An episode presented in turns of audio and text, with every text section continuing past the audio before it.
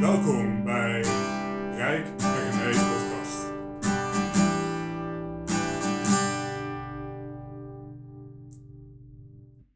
Ben je klaar voor René? Ja, Denk het wel. oké. Welkom bij eh, poging 792, luisteraars. Nee.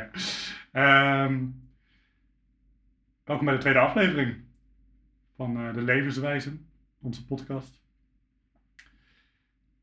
Ik zit hier dus met René. En eh, ik wil eh, deze keer graag wat vertellen over, iets wat ik ben tegengekomen in mijn leven. En dat heet non-violent communication, of geweldloze communicatie. En dat inspireert me heel erg. Dat vind ik heel tof. En Waarom wil je het er zo graag over hebben? Ja, ik denk dat eh, als meer mensen hierover weten, dat de wereld een mooiere plek wordt. Oké, dat eh, kan ook voldoende reden zijn. Ja. Eh, het heet dus eh, non-violent communication. Ja, geweldloze communicatie Ja. eh, mooi Nederlands. Ja, ik wil hippe Engelse termen gebruiken. Ja. Ehm, maar het heeft twee kanten. Het heeft de kant van communiceren naar anderen toe, maar ook communiceren naar jezelf. En een bepaalde manier om naar jezelf te kijken. Ehm, ik ga even kort eerst het communicatiedeel uitleggen. Ja. Wat misschien wel leuk om iets te vertellen over eh, waar het vandaan komt. Het komt van Marshall Rosenberg. Hij is een eh, psychotherapeut, een eh, psycholoog. En op een gegeven moment had hij geen zin meer in de normale psychotherapie oefenen. Hij zag dat het niet zo goed werkte zelfs. En hij zag dat eh, als hij mensen diagnosticeerde, dus zei je borderline of eh, je hebt autisme, eh, dat ze vaak verder achteruit gingen.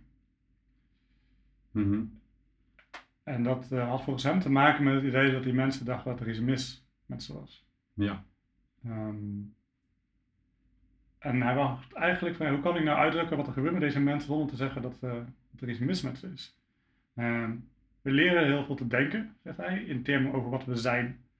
Maar het is veel belangrijker, en hier komt zijn nieuwe theorie, om te bedenken wat we voelen en wat, eh, waar we behoefte aan hebben. Hmm. Niet van je bent ziek en je hebt die beperking, maar wat voel je en waar heb je behoefte aan? Ja, ehm, niet ik ben een failure, ik heb geen successen behaald, Oh ja. maar ik heb behoefte aan meer erkenning. Ja. Ja. En eh, in plaats van dat je dus iets bent voor de rest van je leven, voor je gevoel, en minder waardig bent, ben je een normaal mens zoals iedereen die Ja. bepaalde behoeftes hebben en die misschien niet worden bevredigd op dit moment. Ja. Eh, terwijl misschien bij andere mensen die wel worden bevredigd. Ja. Of misschien heb je die behoefte wat sterker dan anderen. Het is een soort eh, nieuwe manier van kijken naar jezelf en naar anderen. Ja, ik vind het een mildere manier om te Mhm. kijken naar jezelf. Eh, Ehm, wat maakt hem milder? ehm, omdat je dus niet het idee hebt dat je een afwijking hebt. Eh, maar accepteer dat je een mens bent. Ah Een mens met behoeftes, met dingen die leven Ah, ja. in jou en met dingen die je wilt. Mhm. Laat ik het nog even wat uitbreiden. Ja, sure. Beschrijving van, van wat zijn eh, systeem is. Ja. Ehm nou, ten eerste wordt er dus veel aan mensen geleerd over hoe ze communiceren naar anderen. En dan gaat het over vier stappen die je zet. Ehm, de eerste is dat je een neutrale observatie doet. Eh, dus stel je even een moeder voor die eh, ziet dat de kind, het kind een puinhoop maakt van zijn eigen kamer. Dan kan hij zeggen, wat ben jij een rotkind dat jij een puinhoop maakt? Of ze kan zeggen, heel specifiek, ik zie die handdoek Ja. daar liggen. En ik zie dat dit op de grond ligt. En dan heb je samen om iets naar te refereren, een observatie die je allebei deelt. Mhm. En waar nog geen waardeoordeel in zit. Mhm. Ehm, dan zeg je hoe je dat voelt. Zij kan zeggen, ik eh, ben wat gefrustreerd of ik ben wat bang. Misschien is ze wel bang.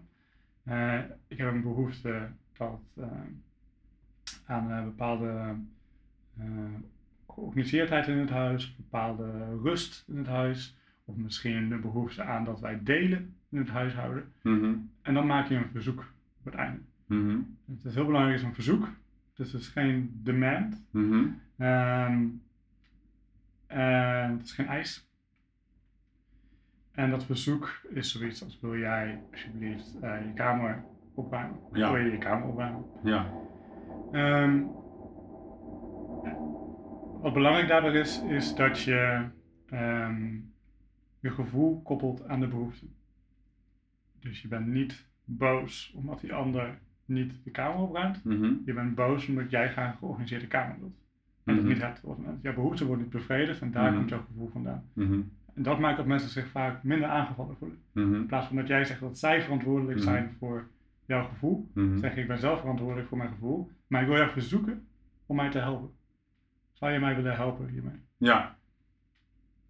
Ehm, en je zegt zelfs daarbij, ik wil alleen maar dat je mij helpt als je dat doet omdat je het zelf wilt. Ja. Mhm. Nou, dat is een beetje samengevat hoe dat communicatie Ja. werkt. Ehm, ja, wat ik heb gemerkt, eh, is dat het dus ook wel belangrijk is hoe je communiceert naar jezelf. En dat dit daarin kan helpen.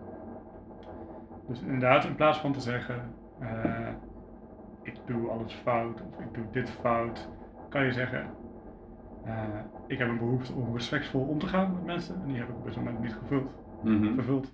Ja. Ehm, het vind ik zoveel mildere manier om te zeggen dat je een bepaalde actie anders had willen doen dan iets te zeggen over dat jij een slecht persoon bent. Ja. Of dat andere mensen een slecht persoon zijn. Ja.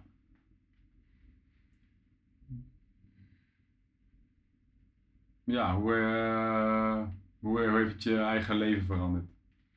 Of eh, hoe eh, kijk je anders naar tegen interacties die je hebt met mensen de hele dag?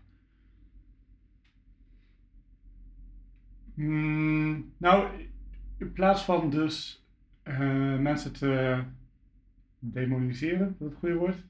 Soms denk ik dat mensen mij pijn doen. Mhm.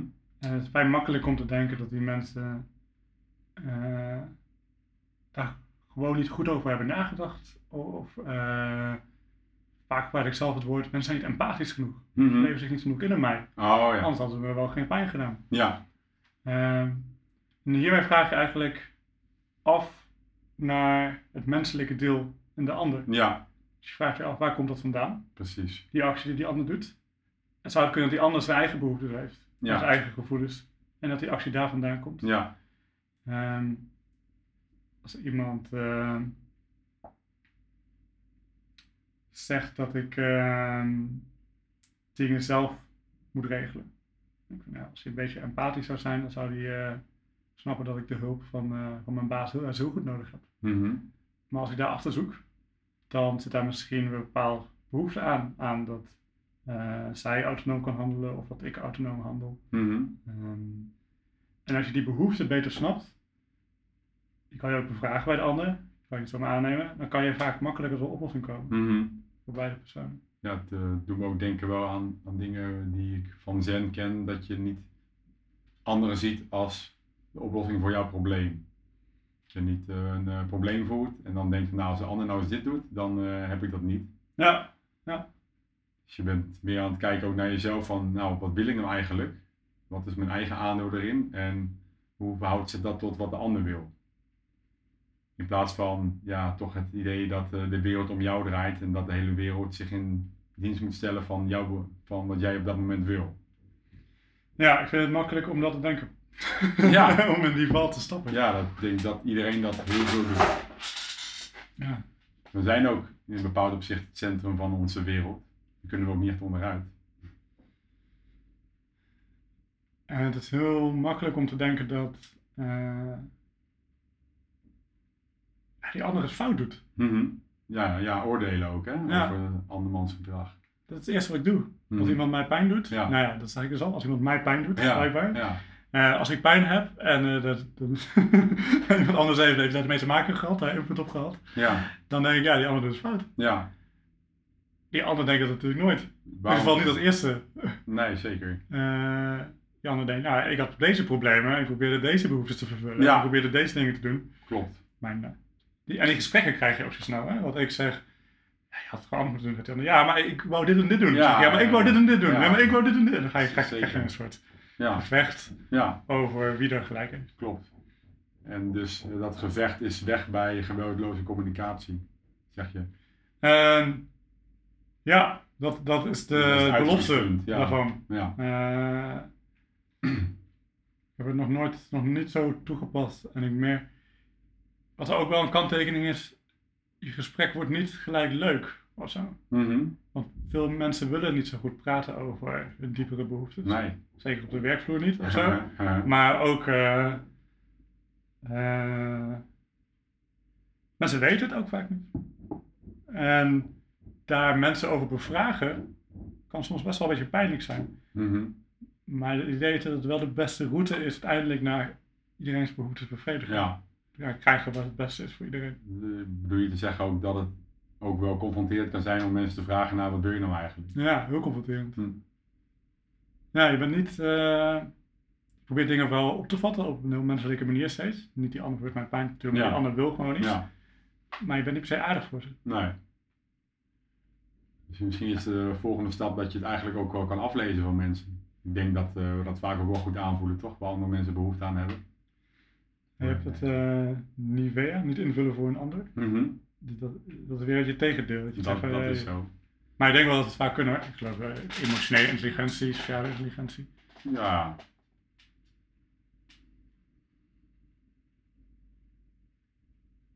Ja. Waarom, waarom eh, wil je het zo graag hierover hebben? Wat, wat, wat, wat kunnen we hier over zeggen of van leren? Ik ehm, mis een eh, aanknopingspunt om eh, wat te zeggen, merk ik. Oké. Ehm. Hmm. Je hebt, je hebt, Even denken hoor, hoe ik het...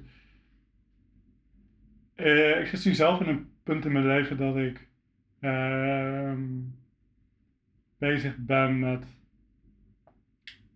hoe ik op een andere manier naar mezelf kan kijken. Oh ja. Op die manier heeft het mij persoonlijk geraakt. Ik, als die de vorige podcast hadden we het hier ook over. Mhm. Over eh, hoe je op school eigenlijk eh, wordt geleerd om goed en fout te doen. Om Ja. cijfers daarvoor te krijgen. Ja. En dat ik daar ook voor een groot deel mijn, eh, mijn waarde denk ik aan het ontdekt. Ja. Ehm, en nu die cijfers wegvallen, kom ik eigenlijk in een soort nieuwe fase in mijn leven. Mhm. Ehm, waarbij ik nog steeds heel vaak denk in, eh hey, doe ik het goed? Oh Doe ik ja. het wel goed? Ja. Of doe ik het misschien fout? Ja. Eh, en wat dit mij brengt, is op een andere manier kijken. Ik doe helemaal niks goed of fout. Ik, bepaalde gewoon- ik wil gewoon dingen, dingen waar ik trouwens ook eh, heel weinig zicht op heb zelf. Ja. Daar ben ik ook voor mee bezig. Oh, wat heb ik nu nodig? Oké, ik heb nu rust nodig. Oké, ik heb nu ook erkenning nodig. Ik heb nu een uitdaging nodig. Oh ja. En ehm, Ja. door te merken dat die behoeftes er zijn en niet worden bevredigd, eh, Ja. dat, dat helpt mij heel erg in keuzes maken en ook in een soort positieve zelfbeeld krijgen. Mhm.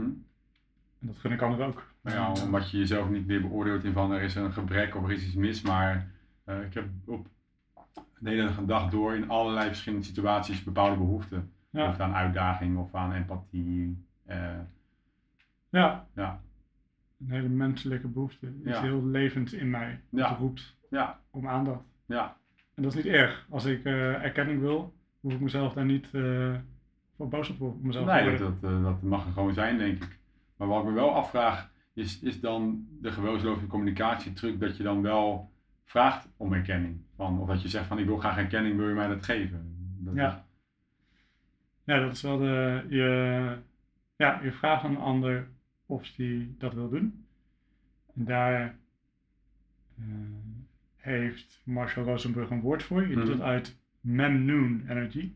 hoe heet het? Memnoon. Ja, En dat is een eh, Arabisch woord. ja, Het was iets van mitzvah in het Hebreeuws. ja, Ik ken allebei de woorden niet hoor.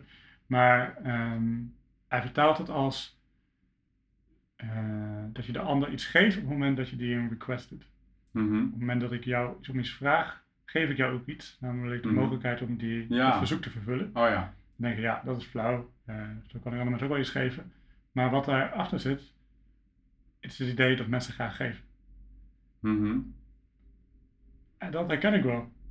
Ehm, onder bepaalde voorwaarden. Als ik het geef omdat het moet, ik moet iets afmaken Ja. iemand anders, dan Ja. wil ik het niet. Maar als ik het geef uit mijn een soort liefde voor geven, Ja, een cadeautje geven op een verjaardag of zo. Nou, Ja. Dat kan je ook uit verschillende motivaties doen, maar ja, soms vind ik het heel leuk om iets te geven. dat is Ehm, ook zo. En daar probeer je op in te spelen daarmee, eigenlijk. Dus je, en daar is dat verschil zo belangrijk. Of je een verzoek doet of een eis. Dat is een heel groot verschil, denk ik, ook voor de ontvanger, ja. Dat is denk ik zo. En ik denk ook dat, dat dit soort manieren van spreken absoluut heel erg bevorderlijk kunnen zijn voor goede communicatie. Maar wat ik me ook hierbij afvraag is, ehm, het lijkt er ook een beetje alsof je dan deze manier van kijken naar jezelf behoeftes opmerkt en dan toch ervoor wil gaan zorgen dat de ander jou geeft wat je wil, uiteindelijk. Wel, eh, je laat het wel vrij dat de ander je het wel Ja. niet kan geven. Maar toch een beetje alsof ja, het toch allemaal weer teruggaat naar jouw behoeften. Terwijl wat mij nou fascineert bij dit soort dingen is. Kun je ook onderzoeken waar die behoefte daar van erkenning vandaan komt. In plaats van gelijk te kijken hoe je het toch kan krijgen. Want misschien is die erkenning helemaal niet zo nodig, bijvoorbeeld. Ik eh, heb ook absoluut behoefte aan erkenning in mijn leven. En soms is het heel fijn dat mensen dat willen geven. En soms is het ook goed om ernaar te vragen. Maar ik kom er soms ook achter dat die, dat daar, dat die behoefte van, herken, van erkenning ook ergens vandaan komt. Bijvoorbeeld in niet genoeg zelfliefde, niet Mhm. genoeg zelfvertrouwen hebben. En als je de hele tijd gaat vragen aan mensen heel erg liefde, met, met veel liefde van wil je mij alsjeblieft erkenning geven, hoe, hoe bouw ik dan ooit zelfvertrouwen op? Als dat Ja. vertrouwen eigenlijk alleen maar geëxternaliseerd wordt dan en door anderen aan mij kan worden gegeven. En daarom vind ik juist ook dat zelfonderzoek altijd zo interessant, van dat je gewoon kan afvragen, hé, hey, waar komt eigenlijk die behoefte vandaan? In plaats van gelijk inderdaad dat te kijken naar waar je dan toch kan gaan halen. En als je het bij jezelf kan zou halen, is dat Ja. een soort middenweg? Ja, of kan ik eigenlijk kan zien dat het gewoon oplost als je gewoon voelt dat je er mag zijn bijvoorbeeld. Dan heb je Ja. helemaal geen erkenning van anderen nodig in die idealiter geval. Dat lees ik ook in Zen. hè. Als je Mhm. je aandacht richt op bepaalde behoeften en gevoelens, dan lossen ze op. Ja, je dat soms wel en soms niet. Nee, natuurlijk. eh, sommige behoeftes zijn ook heel hardnekkig en ook helemaal prima. Ik denk dat Zen ook niet zoveel eh, zegt over wat goed is en wat niet. Maar wel, heel veel behoeftes zijn toch gericht op dat we uiteindelijk de hele wereld willen ordenen, zodat, ze zodat die wereld tegemoet komt aan wat ik wil. Eh, en je kunt best wel heel veel moeite doen om ervoor te zorgen dat die wereld jou precies geeft wat je wil. Maar aan het einde van de rit gaat de wereld je ook soms niet geven wat je wil. En dan is de vraag, hoe ga je daarmee om? Zegt de geweldloze kamer communicatie daar ook iets over van? Als uiteindelijk de mensen om je heen je niet geven wat je wil. Je hebt het zo aardig gevraagd. Ik wil er wel bij zeggen, eh, je mag het ook van jezelf halen. Ah, Oké. Dus als je een behoefte hebt aan erkenning, Mhm. ben ik aan het leren, dan kan je jezelf een compliment geven. Dat is ook een manier Ja. om erkenning te halen. Ja, bijvoorbeeld. Ehm, daarvoor moet je wel eerst die behoefte weten. Dus je hebt blijkbaar niet behoefte aan een compliment van een ander. Nee, je Mhm. moet de abstractere behoefte erachter weten. Je hebt Mhm. behoefte aan erkenning. En dat kan je op verschillende manieren halen. Mhm. Maar jij zegt een andere vraag. Ehm, wat als die behoefte gewoon niet wordt bevredigd? Eh, ja, bijvoorbeeld, ja. Ja, er lopen denk ik hier ook wel meerdere dingen langs elkaar. ehm, eh, behoeftes en gevoelens en wensen en eh, interacties. Die hebben voor mij, volgens mij heel veel componenten. En ik denk dat behoefte daar één ding van is. Of denk je ook dat alles te reduceren is uiteindelijk daarnaar? Van, eh, als ik eh, mediteer en ik voel me verveeld, dan heb ik blijkbaar behoefte aan afleiding.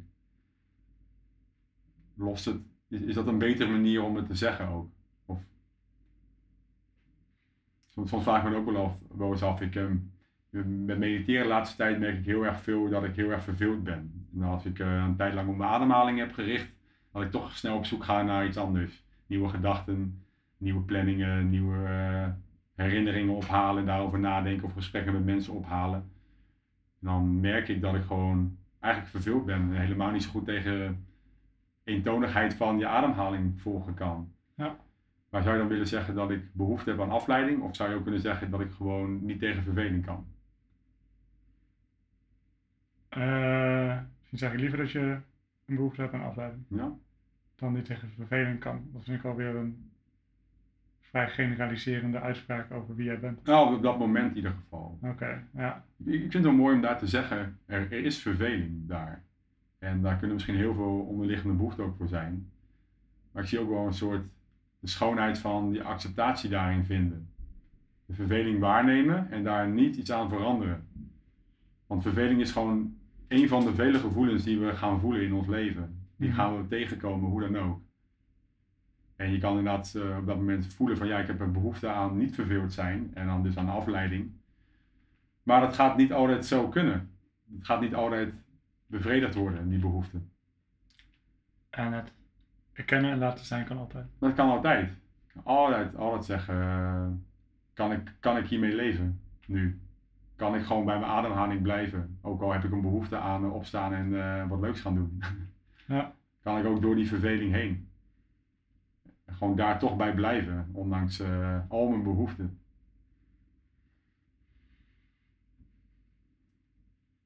Ja, dus ik zie in eh, wat jij zegt. eh,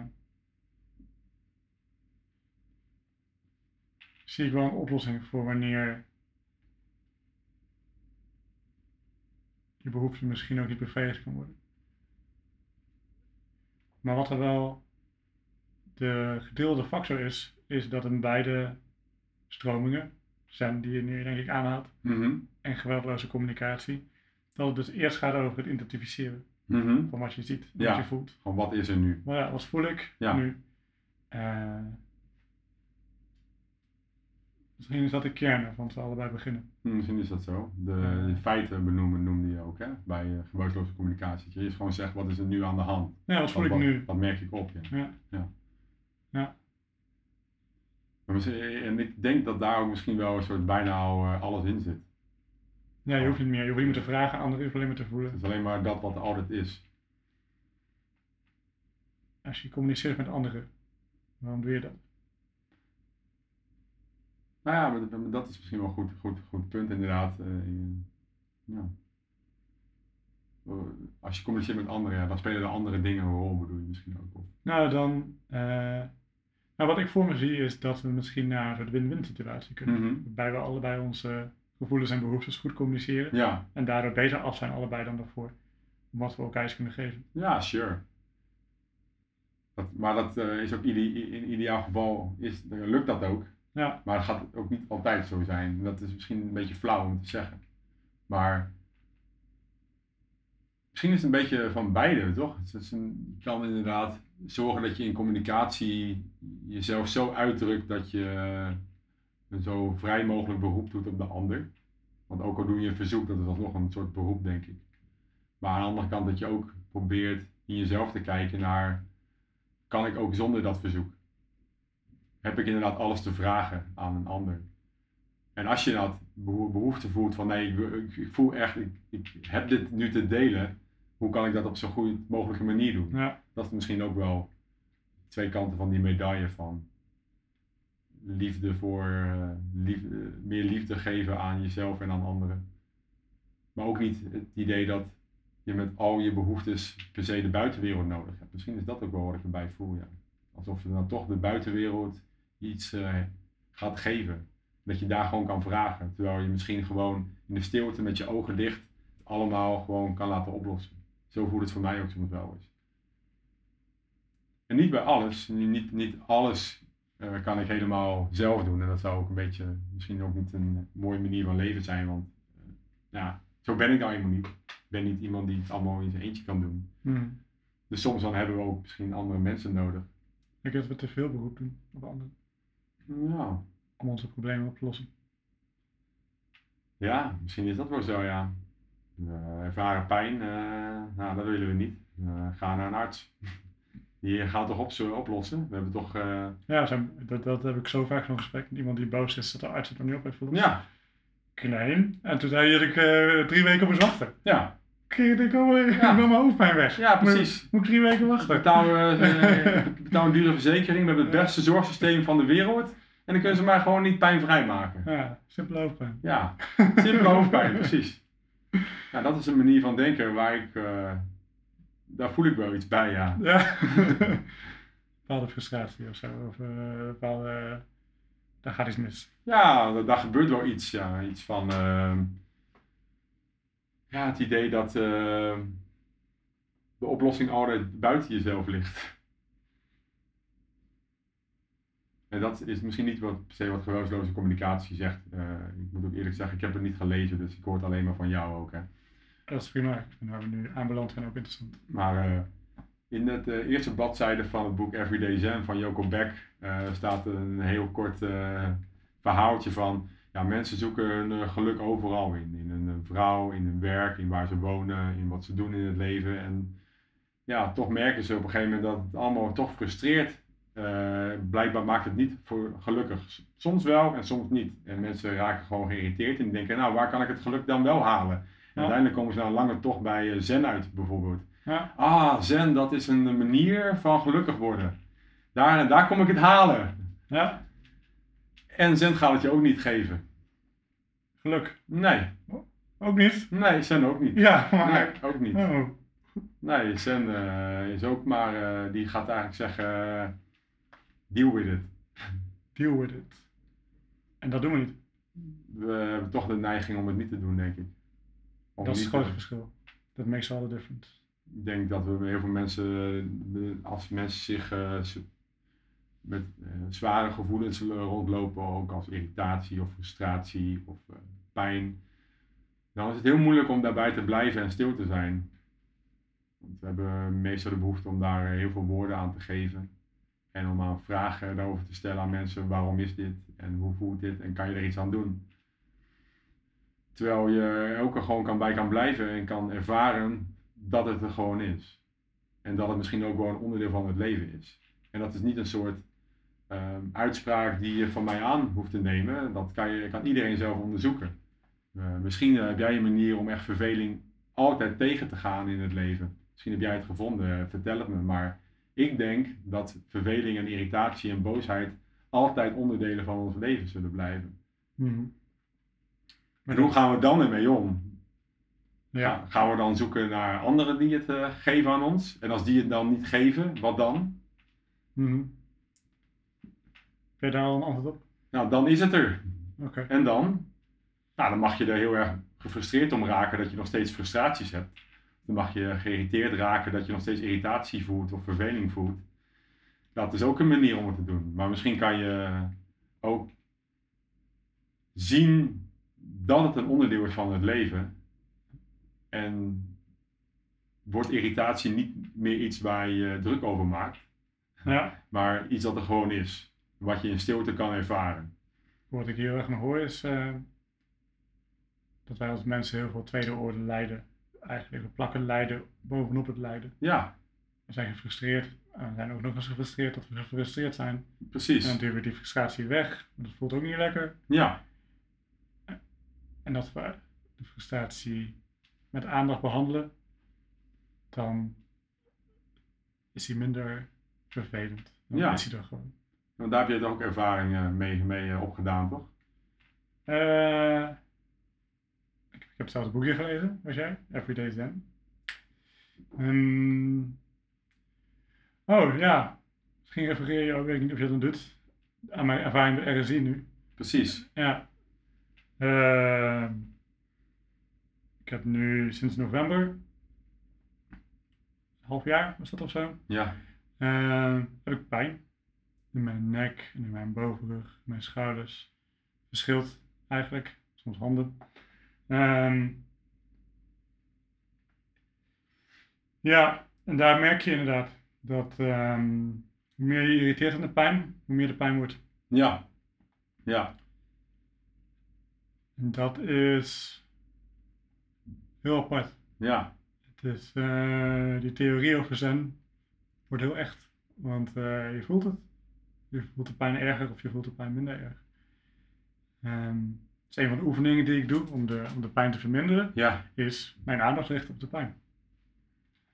Dat is een pijnverminderende oefening. En dan? Wat gebeurt er dan? Um, dan,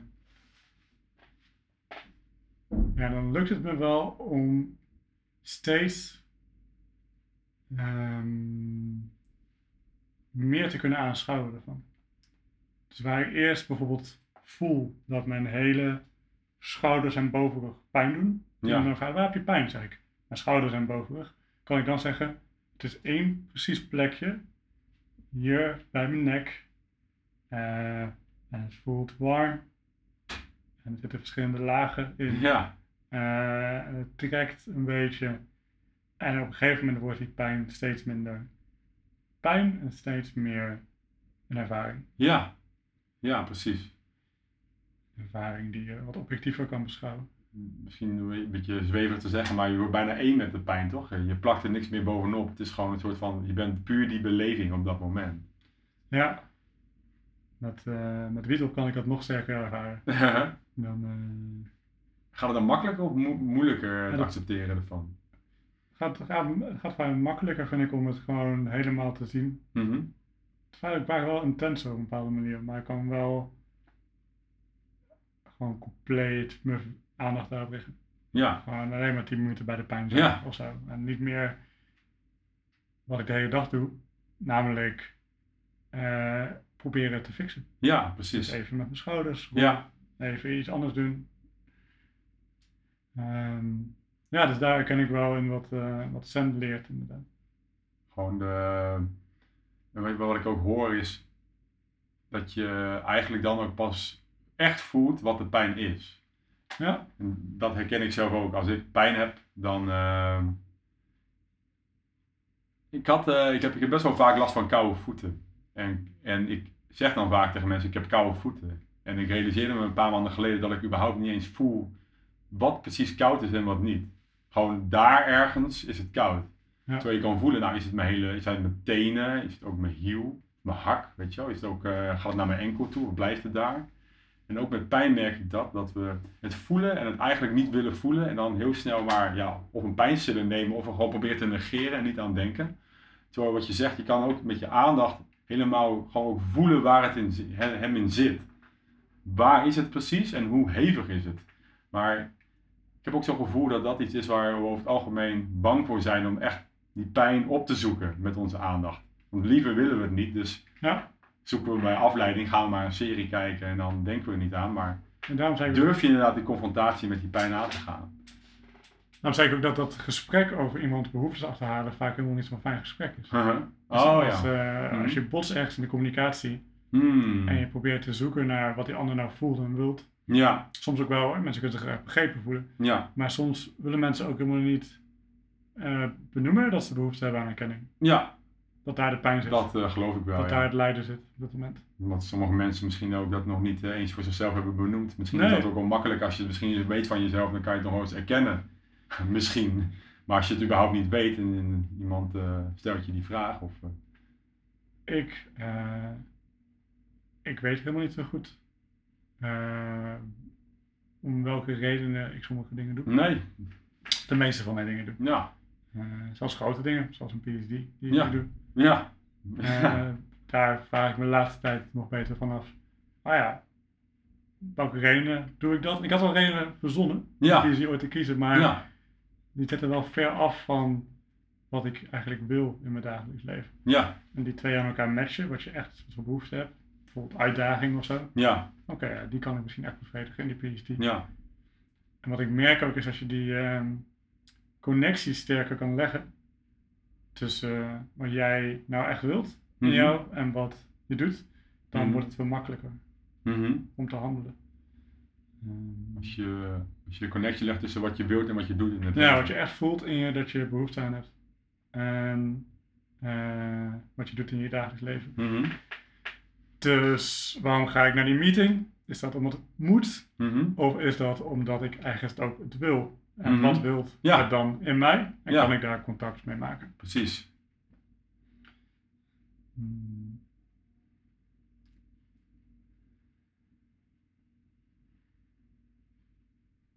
Ja. Ik had nog een vraag die bij me opkwam. Ja. Ehm,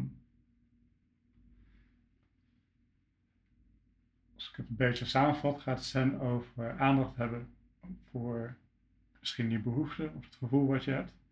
En soms dan, eh, dan lost dat gewoon op.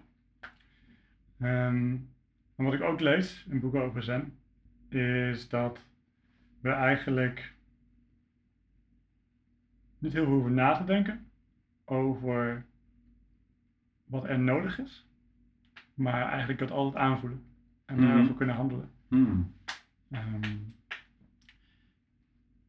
wat ik hoor Mhm. ook als je zegt van nou ja, je hebt gewoon aandacht voor die behoefte en verdwijnt die behoefte. Bij mij krijg je dan nog een vraag over.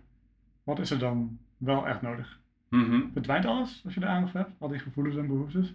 Of zeg je gewoon dat de wereld toch nog wel behoefte heeft aan bepaalde dingen? Dat is een hele goede vraag. En eh, ja, misschien ook een diepe vraag, op, diepe vraag van waarom gebeuren er überhaupt dingen in de wereld bijna? Gewoon, eh, wat, wat voor een wereld zouden we hebben als, er, als we, al die, als we al, door onze, alle, al onze behoeftes zien? Wat is er dan nog?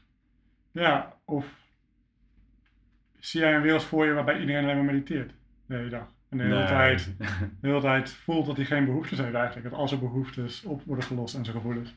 Dat lijkt me ook niet de wereld die we... Nee, denk ik ook niet. Nee. Nee, eh, ik weet, ik weet, weet het ook zelf niet. Maar je wo- wordt misschien ook duidelijker in welke behoeftes echt zijn en welke een beetje illusionair zijn. ja, Want sommige behoeftes eh, zijn ontstaan door hoe je bent opgegroeid. Eh, behoefte aan erkenning, die heb ik ook heel sterk. En ik weet dat het ook te maken heeft met mijn, eh, mijn jeugd, waarin ik eh, moeite had om in een groep veilig te voelen. Dus heb ik daar niet altijd erkenning gekregen in die tijd. En dat maakte, maakt dat ik nu een persoon ben die daar nog steeds ja, de naschokken van ervaart. Dus daar kan ik misschien wel langzaam van afkomen. Maar misschien is daar van afkomen ook wel een soort leven lang proces. hm. En ik denk ook dat het een soort van. eh, je hoeft ook niet te, misschien helemaal te zeggen: ik, ik, ik, ik hoef af van erkenning. Want dat, maar je kunt misschien wel in bepaalde gevallen leren om het niet te gaan halen. Want ik denk dat ik minder behoefte aan erkenning heb dan vijf jaar geleden. Maar alsnog, in sommige contexten, komt die behoefte sterker naar boven. Dus er wordt ook de vraag op van. Als, ik in, als er nu nog 50 van de 100 contexten over zijn, ehm, gaat het ooit nul worden? Of blijven er altijd ja, dat is eigenlijk ook als het leven vraag. veel van me vraagt, dat er nog steeds inderdaad die oude behoefte van erkenning naar boven komt. En ik denk dat dat inderdaad een, een leven lang duurt. En hier, eh, hier zie ik ook het verschil misschien een beetje, die twee benaderingen, zen Mhm. en geweldloze communicatie. Mhm. Geweldloze communicatie hebben omarm die behoeften. Ja. Die eh, zijn wat jou contact maakt met het leven. Mhm. En die, die hoef je niet, die hoef je zich, die hoef je niet op te lossen. Of, Nee. zo. of die, daar mag je trots op zijn op een bepaalde manier. Ja. Of zo, dat je die hebt. Ja. En bij zen lees ik toch wel iets meer van, hè, die verdwijnen wel. Als je Ja. aandacht op focust, dan lossen die, Ja. dan lossen die behoeftes vanzelf wel op. Ja. En dan vraag ik me eens over, wat je- ja, jij ook schetst, wat blijft er dan, wat blijft er dan over? Ja.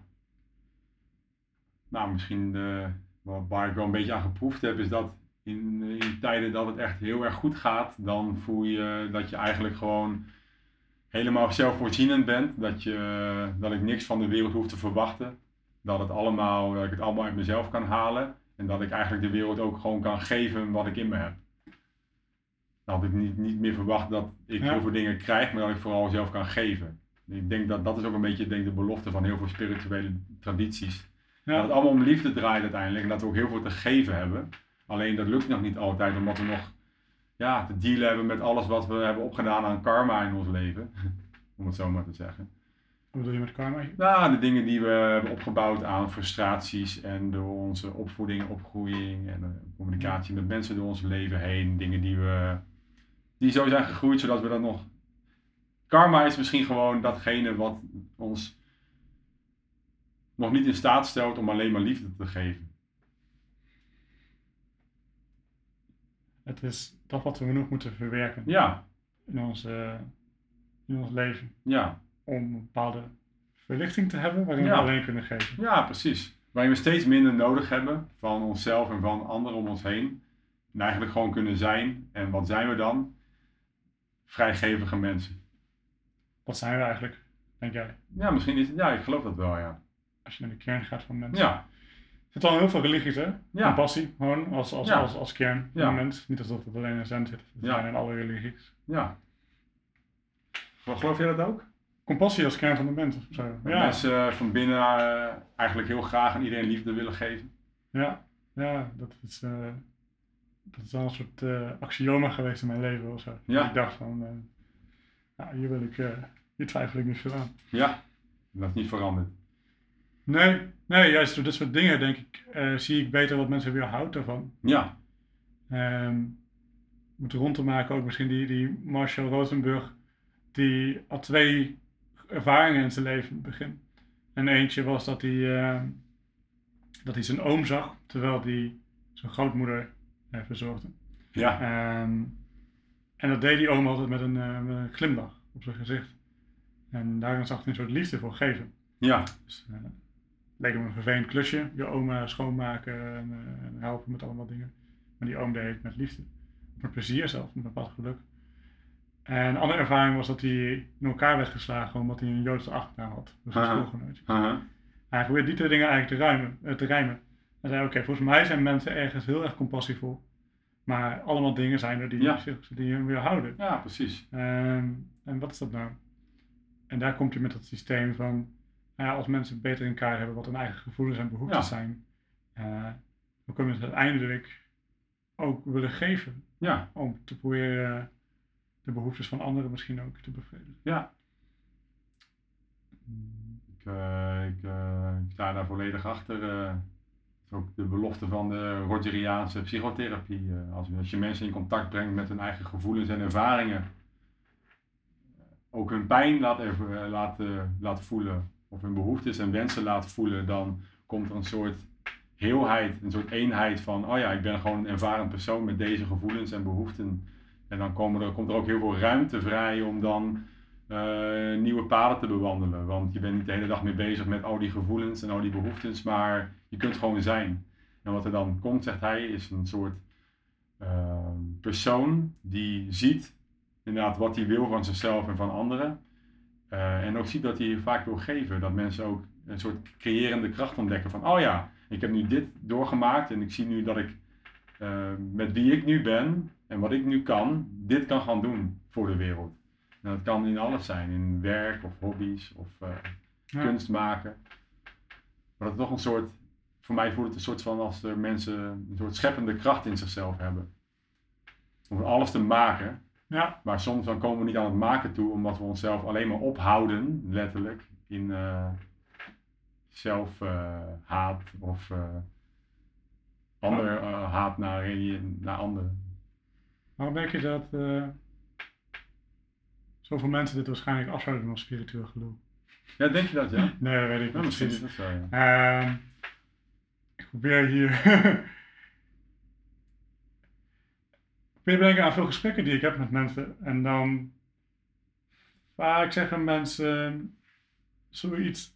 Heb ik het gevoel van laat me toch met rust. Ja, als dit soort thema's te sprake Ja. komen. Laat me toch met rust. Wat bedoelen ze dan? Eh, ik, heb mijn, eh, ik heb mijn werk. En eh, ik heb mijn eten. Ja, En ehm, al, dat, al de spiritualiteit ja, en het filosofisch geleuter. ja. Ehm, is niks voor mij. Nee, Ehm, dat eh, gaat mij niet helpen. nee. Wat denk je dat daar zit? Nou, misschien eh, is het ook zo dan. Misschien is dat gewoon zo. Ja. Ja, misschien is het ook arrogant om te denken dat ik het dan beter weet. Maar ik heb dan soms het gevoel dat ze.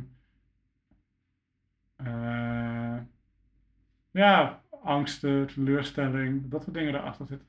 dat kan. En dat je. Ja, misschien is het ook wel arrogant. Nou, maar dat kan allemaal. Misschien dat je het helemaal goed ziet. Ja. Misschien eh, heb je een goede karakter, eh, je hebt het karakter goed in kaart gebracht, maar dat betekent niet dat ze er al aan toe zijn. Dat kan ook. Of misschien eh, zie je het toch verkeerd. Maar ik denk wel dat je gelijk hebt.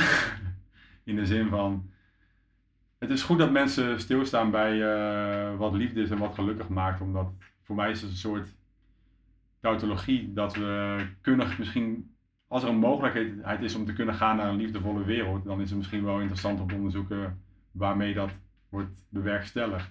Ja, lijkt me iets leuks om Ja. bezig te houden. Ja, dus we hebben een liefdevolle wereld. Nou, dat vindt denk ik iedereen op de aarde best wel een goed idee, of je nou spiritueel bent of niet. Ja. Zelfs nihilisten die ik spreek, die zeggen ook wel van, nou ja, eh, voor mij heeft de hele wereld geen betekenis, maar nou, het is wel fijn dat mensen een beetje aardig tegen elkaar doen. Zo, het, is, bijna, bijna niet denkbaar dat je het tegenovergestelde zou kunnen beweren. Ja. Niet dat mensen verwachten, mensen willen niet dat mensen onaardig tegen elkaar zijn of tegen jou zijn. Ehm, dus dan is het een goede vraag om te stellen, hoe, hoe ziet dat er dan uit? Ja. Wat voor communicatie is er dan tussen mensen? En misschien precies wat jij met geweldloze communicatie ook ziet van, nou misschien communiceren mensen dan op zo'n manier. bijvoorbeeld. Liefdevol. Ja. Hoe ziet dat dan eruit? Eh, hoe praat je dan over je gevoelens? Eh, wat voor een beroep doe je dan op anderen? Dus dan is het, eh, ja, niet iedereen hoeft zich ook met die vraag in te laten. Misschien. Ja, ik ben heel benieuwd naar eh, mensen die luisteren, daar ook nog wel een mening over hebben. Over wat? Nou,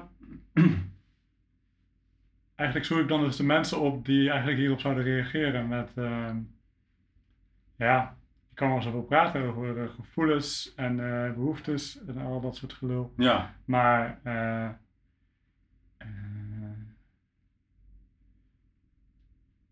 mm, volgens mij moet je daar niet te veel over nadenken. Ja. En, is ook een kant in jou eigenlijk die dat zegt. ehm, ja, nou, wat ik niet vooral denk is gewoon dat ik vaak gesprekken met mensen heb. Op Oh, deze ja. manier, met andere Oh, die mensen. Maar het is ook wel, ja, ik kan voor een deel ook wel argumenteren dat je niet te veel moet nadenken over Ja. dingen hoor. Ja. Je, je vraagt je dan af wat, wat, vraag je dan af wat, wat je weerwoord dan is. ja, wat zijn wat er wel, ja, precies. Ja, wat is het weerwoord? Ja. Waarom zou je je niet met zen bezighouden? Waarom zou je niet met geweldloze communicatie bezighouden? Eh, voor een deel omdat het bloed eh, kruidbaar niet gaan kan. Ik weet ook niet waarom ik eh, met al dit soort eh, spiritueel gelul bezig ben, maar ik kan het niet laten. Dat is een makkelijk antwoord, maar ik denk wel waar. En wat ik wel denk is dat dit soort eh, disciplines je wel kunnen helpen om bijvoorbeeld eh, toch meer geluk uit het leven te halen. Al was het maar eh, dat je soms kan zien dat je misschien niet zoveel nodig hebt in het leven. Dat er gevoelens er mogen zijn. Het zijn volgens mij zulke inzichten die iedereen kan helpen de hele dag door. Ja. Als je in de rij staat bij de supermarkt, je bijvoorbeeld kunt eh, afvragen, oh ja, ik voel me verveeld en dat is niet zo erg. Als je dat erbij kunt denken, Ja, dit is oké. Volgens mij is dat een fijne manier om door het leven te gaan. Ik heb het zelf ondervonden, maar eh, ik vind het ook leuk om mensen daar wat aan mee te geven. Eh, test jij het eens uit, eh, kom je met hetzelfde terug? ja, Of vind je dat we alsnog niet te veel daar aandacht aan moeten geven? Misschien ook best wel een leuk gesprek om te hebben, maar ja. ik heb zo'n vermoeden dat achter elke zin kunnen plakken dat is oké. Best wel een fijne manier van leven is, als je dat kunt zeggen.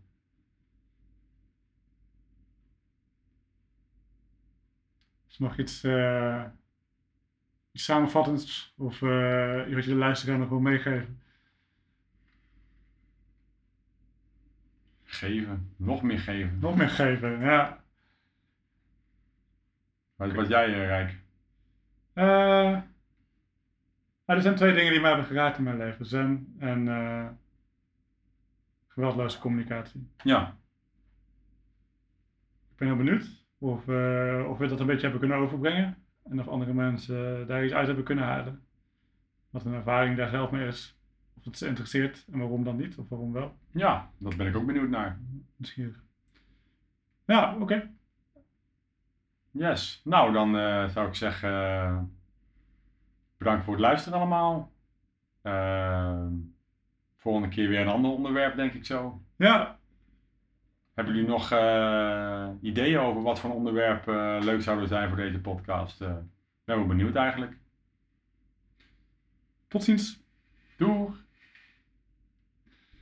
Jongens en meisjes, het was weer gezellig. Ik was er, jij was er, René was er. We hebben een leuke tijd gehad. We spreken elkaar weer. দুই